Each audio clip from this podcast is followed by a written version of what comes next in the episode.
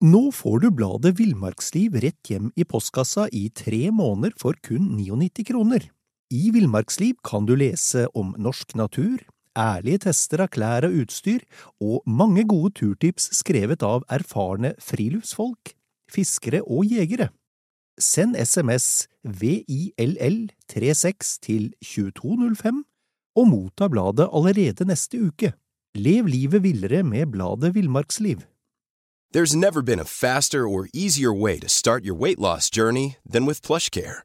PlushCare accepts most insurance plans and gives you online access to board-certified physicians who can prescribe FDA-approved weight loss medications like Wigovi and Zepbound for those who qualify.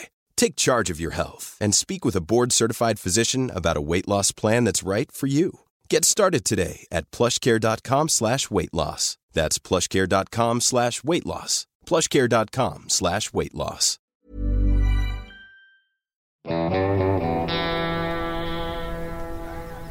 Velkommen til podkasten Villmarksliv. Mitt navn er Halvard Lunde, og jeg er redaksjonssjef i bladet Villmarksliv.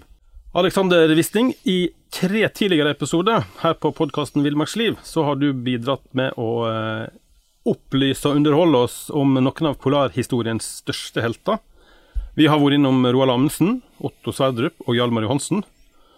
Og du har jo skrevet svært sånn leseverdige biografier om alle tre. Men det er en annen polarhelt òg, som har et navn som er uløselig knytta til Sydpolen, Nordpolen og Roald Amundsen.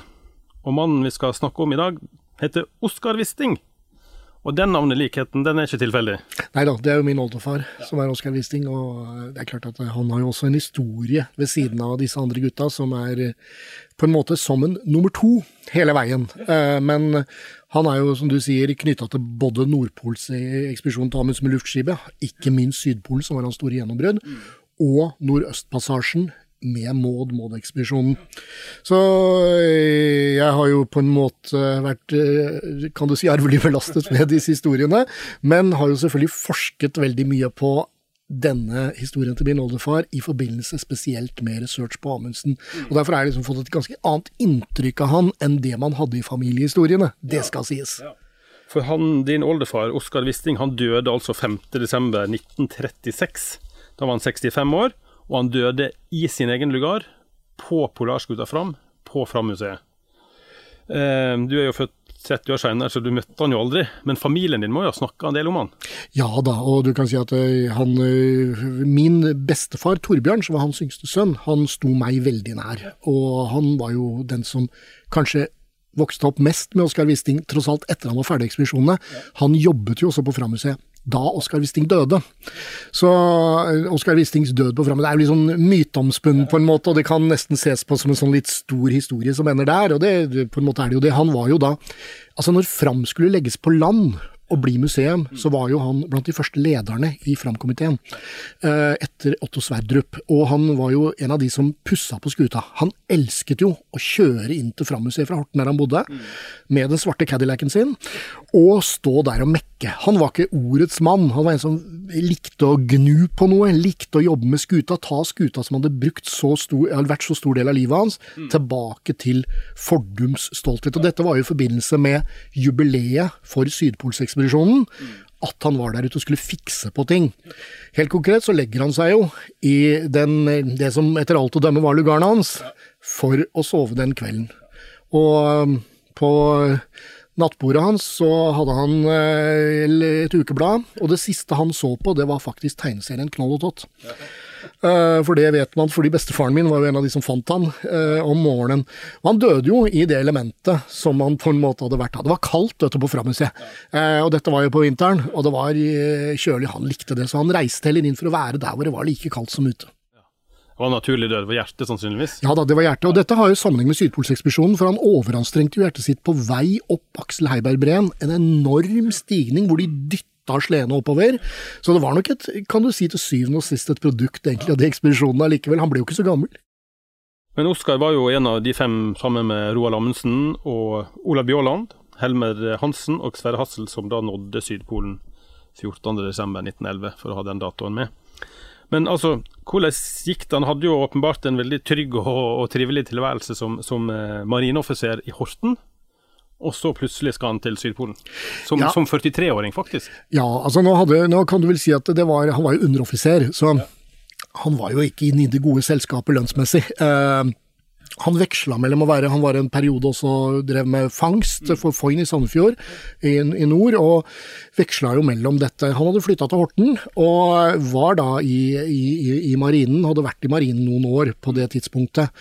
Eh, når, når Amundsen kommer, så driver man på marinebasen og tester ut såkalte manneløftende drager. Dette var jo fordi man skulle opprinnelig til Nordpolen, og hvis man løftet noen opp, så kunne de se innover og finne den enkleste ruten, eller se hvor det var råker og hva som måtte være. Dette var en slags erfaring, kan du si, fra hva Nansen hadde opplevd i sin tid der oppe, og andre, og at det kunne være et virkemiddel. Altså, Amundsen var villig til å eksperimentere med det meste, på en måte. Det som skjer, er jo at Amundsen kommer dit den dagen. Han har jo valgt ut en del offiserer som han skal ha med seg. Det er ikke noen militærekspedisjon Amundsen driver med, men han har noen gode folk, og en av de er jo min eh, oldefars overordna på marinen. Så Amundsen går rundt der, da. Det har jo eh, Og Oskar Wisting, som egentlig ikke er noen fyr som liker høyder i det hele tatt, han henger da på det tidspunktet oppi en sånn manneløftner. Altså de går fra en vaier, en stålvaier, opp i lufta, og der kan du henge. Dette kunne Jeg vet ikke akkurat hvor høyt det var oppe, men antatt det var ganske høyt oppe. Min oldefar syntes jo det var helt pyton, nå var jeg livredd. Men når han kommer ned, så har jo Amundsen lagt merke til dette her, og da har antagelig også offiseren hans allerede anbefalt han til Amundsen som et emne for en mulig polarferd. Han var en god skiløper. Han var en fangstmann. Han var ikke så god skiløper som Amundsen selv, men han var en fangstmann. Han var fysisk sett ekstremt fit for dette. her. Han var kraftig, han var sterk, han var, var i god form. Og når han da i tillegg var modig, så følger Amundsen etter han på vei, og så kommer han bakfra, så slår han min oldefar på skulderen, eller Oskar Wisting, og så sier han 'det er en modig mann, de Wisting, vil de være med til Nordpolen'?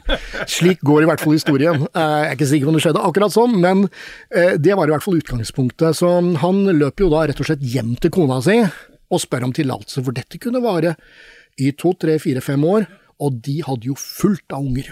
Ja. Så det var spontant fra Amundsen, rett og slett? altså. Ifølge historien, jeg Ja. tror jo at eh, han var en av de som var anbefalt av de offiserene som skulle være med på ferden. Og var jo, det ble jo drept en i disse dragene der nede, han som var egentlig ment Ole Engelstad, som var ment å være nestkommanderende på ferden. Han ble jo drept at lynet slo ned i den dragen som Oskar Wisting tidligere hadde hengt i. Eh, og dermed, det, det ble jo også, Så det var flere offiserer der nede fra som skulle være Marinen var en slags sånn derre utklekkingsanstalt for folk, selv om Amundsen ønsket en sivil ekspedisjon. Men eh, Oskar er jo en av de som skriver dagbok fra, fra sledeferden til Sydpolen. Hva, hva er det som kommer fram der? Nei, altså nå, nå var jo, skal jo sies at Oskar, Oskar Wisting var ikke en stor forfatter i dagbøkene sine. Hans, han har ganske betraktningene hans ganske nøysomme. De beskriver eh, nøktern opplevelsene. Det som kommer fram på han, er jo egentlig en eksepsjonelt sånn hva skal du si, velfungerende ferd innover. Det er mye dramatikk i forhold til breene. Han ramler jo ned en bresprekk. Han beskriver det som han ser hundrede spir fra Sankt Peters katedral, eller noe sånt, når han ser disse spisse som står opp, som han ville falt ned på. Og han blir jo da redda av at han holder seg i sleda, og det er vel Helmer Hansen som klarer å trekke den opp. Og det vice versa, han redder jo Amundsen tilsvarende. Så dagbøkene er ganske dramatiske når det gjelder det, men ellers er de ganske trivielle. Eh, Det han beskriver, er jo fem fyrer og en leder som egentlig gjør akkurat det de hadde planlagt. De finner depotene hele tiden. De går en ganske sånn ryddig tur inn. De går fort. De ligger foran beregningene sine veldig ofte. Det er dramatikk når de går opp denne breen, og det er dramatikk i breene. Og ikke minst er det jo dramatisk når de slakter alle hundene. Det er jo han som da er kokk på det tidspunktet. Lindstrøm er jo tilbake på Framheim, og han tilbereder jo disse biffene. Det er jo en spesiell historie for dem begge. Dem ingen likte når de skulle ta disse vennene sine. Ellers er jo ferden innover er, Han beskriver jo også uroen, men kanskje beskriver de andre enda mer i dagbøkene sine. Amundsens uro. Hvordan Amundsen er nervøs for å se spor av engelskmennene. For du tenke deg, du har kommet så langt inn, og så skal du plutselig se et telt og et flagg eller spor av noen. Da. Det, ville, det kunne jo ikke vært noen andre spor, det hadde jo aldri vært et menneske der inne. Eh, Det var jo det som engelskmennene senere kom til å oppleve. Men hans betraktninger er sånn relativt trivielle. Men når han står på sydpolspunktet, når han står der, da har jo Amundsen opplevd tomt som pokker. Ingen står og heier, selvfølgelig. Det er sånn litt sånn tomhet, litt vakuum. Men da kjenner min oldefar på at han har vært med på noe ordentlig stort. Det skriver han. Da skriver han nærmest rørt om at nå har jeg virkelig vært med på noe som jeg, den små eller den lille eh, Noe sånt hadde jeg aldri trodd jeg skulle få oppleve. liksom. Og det var jo historisk, det er Ja, helt sikkert. Men, men Amundsen og, og Oskar Wisting de må jo åpenbart ha kommet godt ut av det med hverandre. For, eh, for etter Sydpolekspedisjonen, så i 1914, så blir han jo liksom oppfordra til å, trent opp til å mestre en ny oppgave. Ja. Og det var veldig allsidig. Mm, ja da, så nå var jo eh, Oskar Wisting påmønstra hos Roald Amundsen som altmuligmann. Altmuligmann var en sånn favorittstilling blant polfarere. Det var sånn det alltid skulle ha mange av. Og han var veldig altmuligmann. Han, eh, og Amundsen hadde jo De hadde fått veldig De hadde en god kjemi sammen. Og det var nok også fordi at Oskar Wisting hadde Han visste sin plass. Han ville aldri utfordre Amundsen på noe vis. Hadde visst at hans rolle det var å fullføre Amundsens ønsker og verk, og samtidig hadde de en god personlig kjemi. De likte hverandre godt. De var veldig forskjellige som mennesker. Oskar Wisting var nok en rolig, stillferdig mann i bunn og grunn. Amundsen var et fyrverkeri av et karismatisk menneske, men allikevel, de passa godt til hverandre. Og det er klart, etter Sydpolsferden så blir jo først Oskar Wisting satt til først å, først å se litt hva man kunne gjøre med Fram. Han jobbet jo i marinen, og Fram ble liggende i marinebasen. Etterpå det så dreide det seg om å rigge av Fram til fordel for en ny skute som het Maud. Samtidig gjør han jo masse andre rare ting. Han blir, Amundsen eh, vil at han skal lære seg legefaget, så han reiser rundt med landlegen i Vestfold og holder på med ting. Han lærer seg å amputere. Eh, Han lærer seg å bakke kaker, for det liker Amundsen, for han skal jo også fungere litt som det. Og han i tillegg går i lære hos tannlegen for å trekke tenner. Alt dette her for en ekspedisjon som, eh, som skal vare lenge, og gå inn i isen og gjøre denne Nordpolen som Nansen har krevet av Amundsen. Skal jo sies at han også tok kystskippereksamen, samtidig så han var også en kapabel styrmann. Og Blikkenslaget var visst en av oppgavene han fikk også, så Det det var, var- veldig variert. Det var veldig variert. Her skulle du kunne operere på det ene tilfellet, og neste, neste gang være blikkenslager. Ja, absolutt. Men eh, Oskar ble også og tiltrådt oppgaven da med å hente fram hjem fra Sør-Amerika i 1913-1914, og før han da mønstra på Maud. Og eh, målet til Maud-ekspedisjonen var vel å gjøre det som Nansen ikke hadde fått til, altså fryse inn i isen og, og følge havstrømmene vestover og nå Nordpolen. Eh, kan, du, kan du fortelle litt om åra om bord i Maud? Maud er en veldig, blir en veldig spesiell ekspedisjon. Den blir jo faktisk en lengre ekspedisjon enn den forrige framferden. Mye lengre ekspedisjon. Eh, Maud går jo ut på en måte i slutten av første verdenskrig, i en litt sånn turbulent periode, hvor egentlig interessen for polarferder ikke er så veldig til stede. For da har man hatt en krig, eh, og, for så vidt har jo den begunstiget Amundsen med mye penger pga. aksjer innen shipping. Eh, på det tidspunktet han har en del penger. Han bruker alle pengene sine på å eh, bygge den båten. Men den, den skuta som går ut, jo, den ligner jo på Fram. Den er bygd akkurat som Fram, litt større, men er samme type skute. Balje, rett og slett, som skal uh, ikke kunne fryse ned isen. Om bord er jo et vitenskapelig opplegg helt unikt for norske forhold. Harald Ulrik Sverdrup, som er en seriøs, anerkjent forsker, er jo med som forskningsleder. Og de har jo utstyrt Amundsen har jo ikke spart på noen ting når det gjelder materiale for å få til det. Så dette er jo en reell forskningsferd. Her skal målet gjennomføres, nemlig å kartlegge enda flere områder, disse havstrømmene som NASA har vært opptatt av. Men selvfølgelig, som vanlig, Amundsen er jo jækla opptatt av Polen. Han skal jo til Polen på et vis. Og Amundsens utålmodighet er selvfølgelig også noe som kommer til å prege denne ferden her. Her er for første gang alt Amundsen har gjort tidligere, har jo funka som en kule. Det har vært 100% riktig. Men her begynner også selv Amundsen å gå trøtt. Han begynner å gå på smeller. Dette er på en måte kanskje en straffeekspedisjon. Han føler nesten at han er på straffeekspedisjon for Nansen. For all del, han liker seg der ute, og til å begynne med har han jo med seg noe av crewet fra Fram, så det er ikke så verst. Det er en lang ekspedisjon. altså Den skal jo vare fra 1918 var det vel til 1925. Ja. Så det er jo sju år i, på tur. Amundsen er jo ikke med hele veien, men Oskar Wisting blir jo etter hvert på en måte den fysiske ekspedisjonslederen. Eh, han, blir jo, ja, han blir jo kaptein på en måte om bord på Maud, mens den vitenskapelige er Sverdrup. Eh, så blir jo Oskar Wisting den som fortsetter. Amundsen forlater jo etter hvert skuta. Oskar Wisting fortsetter jo denne driften mot nord. Denne gangen tar de jo bruk til og med småfly når de skal forsøke å gjøre dette her. Eh, din eh, oldefar var en, kanskje den første, eller blant de første som fløy i nord, Nordisen, altså Nordpolen, mot Nordpolen. da. Ja, det blir jo egentlig det. De hadde jo med seg noen, eh, noen småfly kalt Kristine, etter en av elskerinnene til Amundsen, Kristine Bennett. Eh, og eh, her, her, var det Det var en russer som hadde flydd i områdene, tror jeg, bitte litt før, men dette var en av de første ferdene ganske langt inn i isen, for de lå jo relativt langt inne. Men dette flyet var jo ikke egna. De hadde med seg Odd Dahl, som var flyver, og frem, skulle bli en fremragende forsker. Og de to til sammen gjorde jo dette med dette Curtis Oriole-maskinen, som er en sånn Hollywood-fly som Hollywood-kjendiser likte å fly mellom eiendommene sine på. Og det var altså oppe i isen der. Det gikk jo ikke bra. Den var jo var vel en 600-700 meters høyde, tror jeg, og et stykke innover når de begynte sakte å styrte, disse to. Så de går jo, går jo, ned i isen på et eller annet vis. Altså Det er jo fra lavere høyde de går ned. Men det er ganske dramatisk. De trodde jo egentlig at dette skulle ryke, men det ender vel opp med en forstua arm eller noe sånt. det går ja, for de, de, er med på en styrt? Også. Ja, de er med på en styrt. Ja. Er, noe av dette er jo faktisk filmatisert. Det er filma noe av det også. Så det fins film at de tar av med det flyet der, og faktisk at de, at de går ut av dette vraket etterpå. Så, så, sånn sett kan du si at det, det var jo en det, men, det, men, det, var et forsøk. Det var et forsøk. Dette var jo Amundsen hadde jo begynt å se Amundsen hadde jo eh, Norges første sivile flysertifikat. Mm. Og han hadde jo begynt å se på denne muligheten. Så det de gjorde der oppe, var et slags sidespor, mm. mens Amundsen allerede hadde begynt å rette eh, øynene sine mot lufta med større flyvemaskiner, mens fortsatt Maud var ute i isen. Men Oskar han, er, han, gjør jo flere oppgaver og Han er jo med på en lang altså Det står til nærmeste telegrafstasjon, altså det var jo seks måneders sledetur. Ja da, og noen av de er, er ganske spektakulære. De ferdene jo nesten samme lengde som eh, noe av Sydpolsekspedisjonen, og de går i eh, ganske tøffe forhold.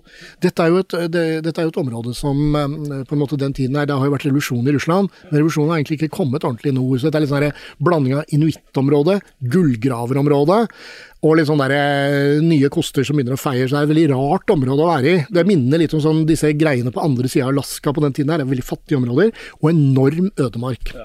Så han og Helmer Hansen drar jo ut på en lang sledeekspedisjon. De har jo også med seg den ene gangen eh, en, en, ung, han som var eh, den reelle kokken på ekspedisjonen, en ung kar, og de holder jo på å miste han på en tur. Dette er ganske dramatisk. Men en annen ting, de, de, får, de blir jo kjent, og Oskar Wisting blir jo spesielt kjent med inuittene der oppe. Han blir jo kjent med en vesentlig handelsmann som sier Nå får du bladet Villmarksliv rett hjem i postkassa i tre måneder for kun 99 kroner. I Villmarksliv kan du lese om norsk natur, ærlige tester av klær og utstyr, og mange gode turtips skrevet av erfarne friluftsfolk, fiskere og jegere. Send SMS VILL36 til 2205 og motta bladet allerede neste uke. Lev livet villere med bladet Villmarksliv. Mom deserves the best, and there's no better place to shop for Mother's Day than Whole Foods Market. They're your destination for unbeatable savings, from premium gifts to show-stopping flowers and irresistible desserts. Start by saving 33% with Prime on all body care and candles. Then get a 15-stem bunch of tulips for just $9.99 each with Prime. Round out Mom's menu with festive rosé, irresistible berry chantilly cake, and more special treats. Come celebrate Mother's Day at Whole Foods Market. Det skal bety en del for han familiært sett. Så eh, oppholdet der oppe er litt sånn derre Jeg tror det, en, det, lå en frustrasjon fra Amundsen, men for de andre som var der For Sverdrup så var det en rolig og spennende og unik måte å utforske både den, den etnografiske delen av det som gikk på inuittkulturen, og ikke minst et område som jo var veldig lite kartlagt. Og, og, og, Sverdrup, da snakker du om Harald Ulrik Sverdrup, som, ja. som egentlig ble en veldig kjent eh, forsker. og hadde jo faktisk innvirkning på når D-dagen var satt i gang. Det er helt riktig. Sverdrup, altså I det hele tatt, det de gjorde i den ekspedisjonen, hadde masse å si, sånn sett som i annen verdenskrig. Fordi at det var når gulltransporten og alt dette gikk der opp, så brukte de jo Maud sine målinger og Maud sine mm, tall fra ekspedisjonene. Men eh, skal vi se, vi går til 1925. Da har jo, da jo Maud-ekspedisjonen blitt avslutta. Og skuta blir solgt da, som en følge av Amundsen. Han går jo personlig eller går konkurs. Og også her fikk din oldefar en rolle. Ja, det var jo på en måte en slags sånn tragisk etterspill, alt det greiene der. Amundsen slår seg jo selv konkurs, er vel i 1924. Hans bror er den største kreditoren hans, pluss en del andre ting. Maud har jo kosta skjorta.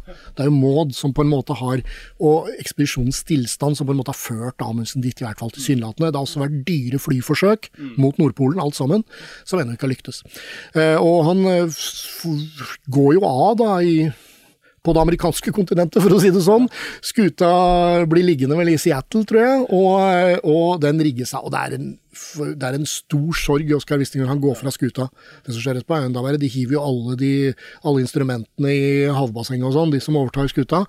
Men når han drar derfra, så er på en måte egentlig tenker han at nå er kanskje polarlivet mitt lokka. Dette er jo i 25, og han har vært ute mange år. Egentlig så burde han jo komme seg hjem til familien. Skjebnen til Maud kan vi òg være innom. Den ble jo solgt til, til et sånn Bay, Bay, Company, hva det heter, handelskompani, Hudson Bay Company, og får navnet Maud Bay, Bay Maud. Og ender jo opp i Hun synker jo til slutt i Cambridge Bay, da, som er ja, nord for Canada og langt, langt vest i Nordvestpassasjen, kan vi vel si. da. Så, men altså, i 2018 så kom jo faktisk Maud hjem til Norge. En, en um, langvarig redningsaksjon det var en del ildsjel i en organisasjon som kaller seg Maud Returns Home, finansiert av Tandberg eh, eh, Eiendom. Men hva tror du Oskar hadde tenkt i dag, da, hvis han visste at eh, skipet hadde kommet kom tilbake til volden i Asker? Ja, nei, det måtte jo vært eh, Det ville vel vært sterkt for han å stått der og se det. Nå var jo Han veldig, han via jo livet sitt fram, for det var jo den andre skuta. og på en måte Han var jo mye kortere på fram, og fram var jo ikke Altså, Maud blir jo delvis et av hans Han var jo vesentlig i bygginga av Maud, så han hadde jo litt kanskje det for, samme forhold til Maud som Sverdrup ville hatt det fram. Mm. Uh, men fram var selvfølgelig hans verktøy. Men jeg tror han hadde, når du så Maud komme inn der, uh, dog i en, en litt fallert tilstand, så må jo måtte nok det vært spesielt. Og det er klart at det for for dem som bodde sju år, så ble jo det den trygge Altså, Maud funka som en kule. Maud var en fantastisk skute. Den gjorde jo jobben i enda lengre tid enn det Fram gjorde, ute i den samme type farvann, da. Ja.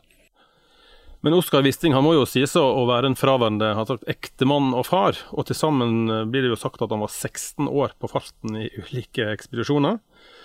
Og da han drar med Amundsen til Sydpolen, så forlater han en høygravid kone. Eh, og som føder tvillinger mens han er vekke. Begge de to tvillingene dør, og eneste dattera dør.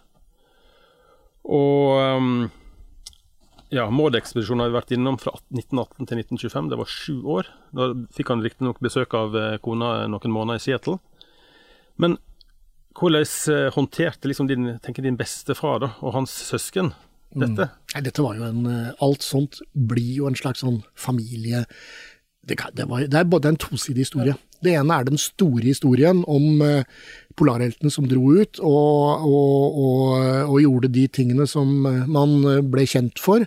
Og så er det jo noen andre, de som ble tilbake. Og det er klart at for Elise så er det jo et to, tosidig greie. Det er jo flere historier rundt det. Men selvfølgelig, det første er min, min bestefar ble jo da født da han dro. Han ble født i mai 1909, og dette er jo perioden hvor uh, han drar av gårde. Og så er hun da, da, gravid med tvillinger som dør under en meslingepidemi det første året. Så det er klart at i det lå det jo mye. Så skal det sies at det var en annen historie til sjømenn var ofte borte, mm. og til en viss grad så serverte Amundsen trygg lønn. Uh, de, de, de, de, klarte seg på en måte, men det er klart det ble et savn. For min uh, bestefar som var Allikevel opplevde han ganske mye, men han, klart han fikk et spesielt forhold til faren sin. Jeg har hjemme brev han skrev til han, som er sånne korte om å være flink på skolen og sånn, men du klart du fikk en distanse. Du fikk en veldig stor distanse til det.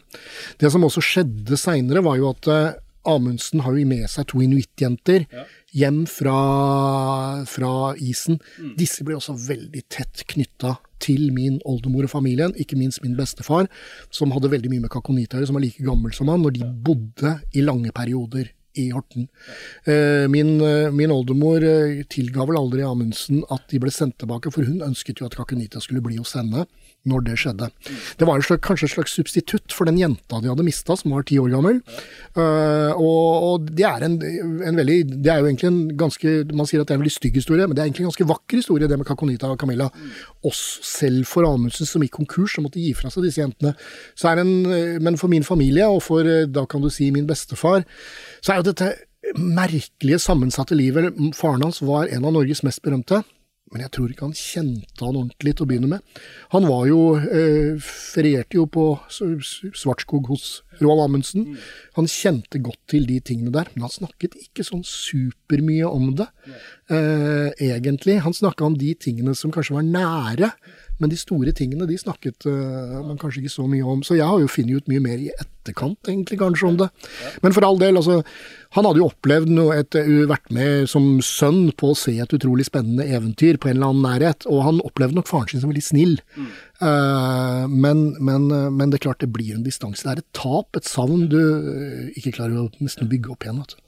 Og Oskar sjøl skriver jo at det ga han en vond samvittighet senere i livet at han hadde vært så mye borte. Ja, og det, det, følte han nok på. Eh, jeg tror han, følte, han prøvde, jeg prøvde nok etter beste evne å kompensere for det når han kom hjem og etter uh, luftskipsekspedisjonen. Ja. Så er han jo på en måte en slags sivilist, for han får aldri egentlig noen Han har en honnørjobb som Hjalmar Johansen. Mm i, i, i, marinen, men på en måte Og livet blir jo ikke så langt som han trodde etterpå. Og dermed så på en måte så var nok det et, et savn å komme Nå er jo, var jo folk annerledes den gangen enn nå, men allikevel så tror jeg nok det var et savn også fra han. Men for all del, altså han kom jo hjem til kona, og han ga dem økonomisk velstand, og han ga dem jo en trygghet, og det var jo i seg selv ikke uviktig den gangen. Nei. Men han får jo ikke så lenge fred før han må ut igjen, da? Og da går jo turen til Italia? Ja, den gangen så var det jo syv år ute med noen få brekk, og så er det da åtte dager. Åtte dager så skal han møte i Roma, og da har jo Amundsen på en måte, altså For Oskar Wisting har vært kanskje litt rar. Han var glad når han ble lovt det, når Amundsen lovte han det, for han trengte jo noe å se kanskje da videre på jobbmessig. Men han skal møte i Roma, og da er det jo Nå skal de mot Nordpolen, og Amundsen kunne jo tatt med seg hvem som helst. Han skal være høyderorsmann, Han kan mye om navigasjon, og skulle de gå ned på isen med luftskipet, så er det klart da hadde han hatt en superfunksjon. Men det visste man at hun kan skulle gjøre. Men det er jo en gest fra Amundsen. Han vil ha en som er sammen med han når det norske flagget skal ned på Polen, hvis det skal plantes fysisk, eller om det skal kastes ned. Så det er jo en slags gest, og det er stort Amundsen, selv om det i dag er folk som veit at Oskar Wisting Så var han jo faktisk talt først på begge poler, sammen med Amundsen. Eh, det var to som var der begge gangene, sånn sett, da. Ja, for nå er det luftskip Norge da, som, som, eh, som ja, faktisk flyr over Nordpolen. Ja da, og Oskar Wisting møter jo Roma fordi at eh, de skal møte paven. De skal velsignes før dette italienske luftskipet. For dette er jo dette er et samarbeid mellom eh, Norge og Italia. Det er masse konflikter i bak, bakkant her. Mussolini, den fascistiske lederen, vil ha oppmerksomhet. Han tilbyr nemlig et luftskip til Amundsen på en måte raskt og hurtig, og en kaptein som heter Nobile, som kan fly det og har konstruert det. Eh, min oldefar er jo da som sagt høyderordmann. Du har med Hjalmar Riise Larsen, som er en sånn gigant allerede innen norsk eh, flykultur, da. Og eh, i dette her så ligger jo egentlig en spennende annet element, nemlig de skal finne ut om det er land i området. Ja. For en ting er at de skal fly over eller gå ned eller hva de skal, men Amundsens mål er jo egentlig å finne, se om det finnes land, for man vet ikke det på det tidspunktet.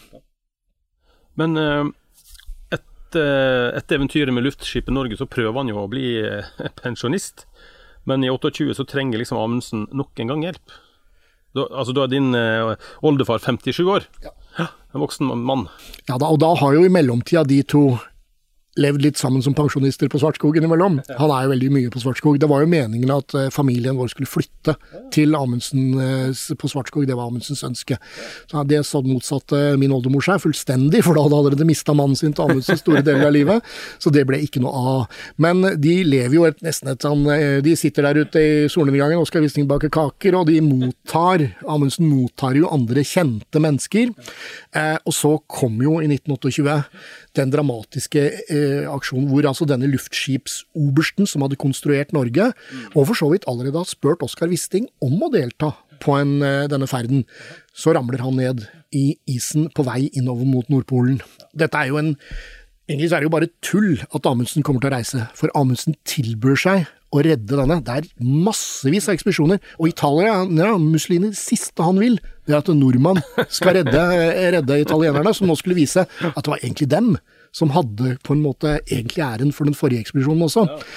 Uh, og Oskar Wisting sier jo da, etter at Amundsen har tatt på seg litt halvbrisen ute på Bygdøy, når en journalist spør om han skal hjelpe Nobler, right away, sier han. Ja. Og han gir jo da Oskar Wisting da spørsmål om han gidder å være med oppover. For igjen ser Amundsen for seg kanskje en dramatisk ekspedisjon inn i isødet, hvor du skal redde ut noen, og da trenger han en eller annen han kan stole på. Men denne ekspedisjonen er jo en litt annen karakter, fordi at det er jo fly igjen, og det er jo, et, eh, det er jo vanskelig å få opptak i penger til denne ekspedisjonen. Det viser seg til slutt noen franske forretningsmenn som stiller et sjøfly til disposisjon som heter Latam. Og dette flyet skal jo frakte disse gutta, en ganske ungt crew, oppover, eh, og Oskar Wisting skal være en av dem. Dilemmaet er jo at flyet er stappfullt, og flyet tåler ikke altfor mye tyngde. Så Amundsen eh, ber jo da Oskar Wisting om å vurdere å ta båten. Heller det er vel fra Bergen og til Tromsø, og så fra Tromsø til Spitsbergen. Så på Svalbard er det satt opp at Oskar Wisting skal møte sjefen, da. Etter alle disse årene. Amundsen går om bord i Latam i Tromsø, og Oskar Wisting venter på Svalbard. Men der dukker jo aldri Roald Amundsen opp. Eh, så på en måte, han er jo heldig fordi han blir spart gjennom rett og slett eh, Og det er jo liksom det mytologiske sier jo at Amundsen ville spare ham for denne, denne turen, det er, men det var jo altså rett og slett eh, at flyet var for tungt lasta. Og dermed så blir han jo, lever han videre. Amundsen går jo ned i isen, og han leder jo noe som heter Veslekarieekspedisjonen etterpå, som leter etter Amundsen. Og dette er Oskar Wistings helt reelt store sorg. Han, når, Å miste Amundsen var, jo, var jo som å miste Om ikke miste kona, så var det jo som å miste noe veldig nært seg. Så det er klart, dette er dramatisk på alle måter. Det står jo at etterpå så, så lever han jo et litt roligere liv, Oskar. Han gjennom, gjennomtar bl.a. sin ungdomsglede med turer til skogs og fjells. Hva vet du om det i dag? Hva? Ja, nei, du, det, det finnes jo faktisk en del bilder og sånn fra det privatlivet hans etterpå. Og, og, og det, han var jo, det var jo et friluftsmenneske. Mange av disse her på en måte, Du blir addicted, på en måte, har du vært rundt omkring. Så jeg, jeg tror at det, det var derfor han lå så på Frammuseet innimellom. Jeg tror at det, det livet inni et hus, det komfortable, var sikkert ålreit, men han elsket jo å jakte fiske, eh, gå på ski, gå turer og gjøre alt det der som han egentlig hadde. Altså holde seg i god form var vel også ikke en, Når du først er vant til å anstrenge deg hele tida. Så han, han levde jo for så vidt et rolig liv. Han holdt jo en del foredrag, men det som skjedde utover 30-tallet var at interessen for disse polarferdene begynte å ebbe ut. Og det er en litt søt historie hvor han hadde holdt foredrag og vist lysbilder. Og det kosta vel to kroner å komme inn, eller en krone eller noe sånt. Og da skrev han vel at de fleste kom fordi dans var inkludert i billetten. Så, så det var jo han, han, var jo den siste igjen, ikke sant. Hvis du tenker at uh, Sverdrup Amundsen, Nansen, Johansen. Alle de som hadde vært nære på lederne, og de som var lederne, var jo egentlig borte. Så han var liksom den siste representanten kanskje igjen for den generasjonen som hadde på en måte endra Norge, da, fra 1888 i prinsippet og fram til 1928 med, eller 26 med luftskipsekspedisjon. Og Det er også Oskar Wisting som står på brua og fører fram da, på sin siste ferd fra, fra der den ligger i Horten til Bygdøy. Og vi var inne på det, han var veldig aktiv med restaureringa og fram. Definitivt. Altså, var det, jo, det var jo Otto Sverdrup som begynte det prosjektet. Eh, Nansen var ikke så opptatt av å bevare fram, han mente egentlig at han hadde hatt sin tid. Eh, og det er jo Sverdrup som begynte det prosjektet på, på 20-tallet. Da var jo Sverdrup veldig syk. Han fikk jo blant Den store julegaven hans et år var jo masten og riggen på Fram. For riggen på Fram den lå jo, opprinnelig lå jo på Maud, så den var borte. Eh, så når Fram ble restaurert, så var jo det et, det var et poeng. Min oldefar ble etter hvert veldig sentralt. Fordi Sverdrup ble syk, så overlot Sverdrup mye av det til Oskar Wisting. De, blant annet tok han jo også uh, skuta til Trøndelagsutstillingen, Trondheimsutstillingen, i 1930. Det er når Sverdrup dør, og der er det en fin historie. For Oskar Wisting vil gjerne at Sverdrup skal få se skuta en siste gang. Da ligger han hjemme kreftsjuk og kan se utover havnebassenget i Sandvika. Ja. Og Oskar Wisting planlegger egentlig å ta, uh, som taues, da, for fram seiler jo ikke for egen motor på det tidspunktet, å ta den ut så, så, han får se den. Men det vil ikke Sverdrup ha nå. Han er ferdig med akkurat det der. Så skuta blir taua tilbake, og den blir også da inn på Fram-museet. Kjørt fra da Horten, den ligger vel både i Østfold og i Horten, som er siste, siste periode for det. Så det var jo det var liksom det som opptok Oskar Wisting de siste åra, var jo arven etter disse polferdene. Ikke arven etter han selv, tror jeg, men arven etter de andre lederne som han hadde sett var kjent og vært en del av. Og det er klart at For han hadde, for han hadde jo endra livet. Han følte vel selv, selv om det var en høy pris å være så mye borte, så følte han vel selv at han hadde fått en gave mm. den dagen Amundsen slo på skuldra og sa at han skulle få være med. Det tenker jeg er en fin eh, avslutning. Um, du har skrevet mange bøker, og de finner du på en bokhandel. Søk etter Alexander Wisting, så får du mange gode historier. Takk for praten. Nå får du bladet Villmarksliv rett hjem i postkassa i tre måneder for kun 99 kroner.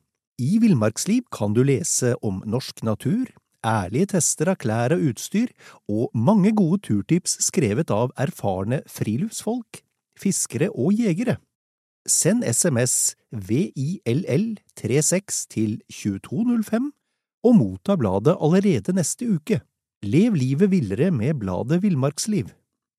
Imagine the softest sheets you've ever felt. Now imagine them getting even softer over time. That's what you'll feel with Bowl and Branch's organic cotton sheets. In a recent customer survey, 96% replied that Bowl and Branch sheets get softer with every wash. Start getting your best night's sleep in these sheets that get softer and softer for years to come. Try their sheets with a 30-night guarantee. Plus, get 15% off your first order at bowlandbranch.com. Code BUTTERY. Exclusions apply. See site for details. Even when we're on a budget, we still deserve nice things. Quince is a place to scoop up stunning high-end goods for 50 to 80% less than similar brands. They have buttery soft cashmere sweaters starting at $50, luxurious Italian leather bags, and so much more. Plus, Quince only works with factories that use safe, ethical, and responsible manufacturing. Get the high-end goods you'll love without the high price tag with Quince.